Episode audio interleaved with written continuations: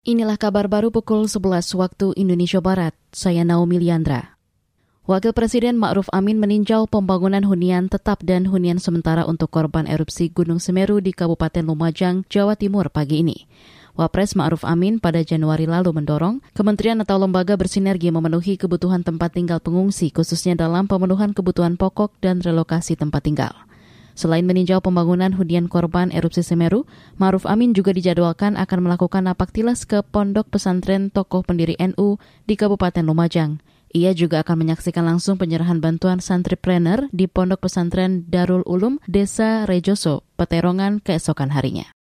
Perhimpunan Dokter Paru Indonesia PDPI menyebut angka harapan hidup masyarakat Indonesia rata-rata berkurang dua setengah tahun karena polusi udara. Hal itu dikatakan dokter spesialis paru PDPI Nur Yunita dalam diskusi publik mengenai hak rakyat atas udara bersih dan sehat. Bahwa eh, akibat adanya polusi udara, angka harapan hidup rakyat Indonesia itu berkurang secara rata-rata dua setengah tahun. Itu untuk umum, ya. Tetapi khusus yang dengan eh, daerah-daerah seperti Jakarta, Bandung, Depok, yang angka polusinya itu sangat tinggi, angka harapan hidupnya itu berkurang 5 sampai 6 tahun. Ya, ini sudah ada basis daripada uh, penelitiannya. Dokter spesialis paru PDPI Nur Yunita menjelaskan, selain angka harapan hidup yang berkurang, polusi udara juga membuat kualitas hidup masyarakat menurun. Saat ini 92 persen penduduk dunia terpapar udara buruk dan 7 juta kematian per tahun disebabkan oleh polusi udara.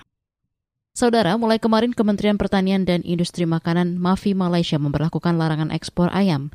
Dikutip dari antara, Malaysia juga melarang dikeluarkannya izin ekspor yang mencakup ekspor ayam hidup, karkas ayam utuh, potongan daging ayam, dan produk bahan makanan berbahan dasar ayam. Selain itu, semua persetujuan izin terkait komoditas itu dibatalkan dan diblokir. Pelanggar akan dikenakan penjara tidak lebih dari enam tahun dan denda lebih dari 100 ribu ringgit atau sekitar 300 juta rupiah. Tahun ini Malaysia mengekspor daging ayam ke Thailand, Timor Leste, Singapura, Hong Kong, dan Jepang. Saudara, demikian kabar baru KBR. Saya Naomi Liandra, undur diri.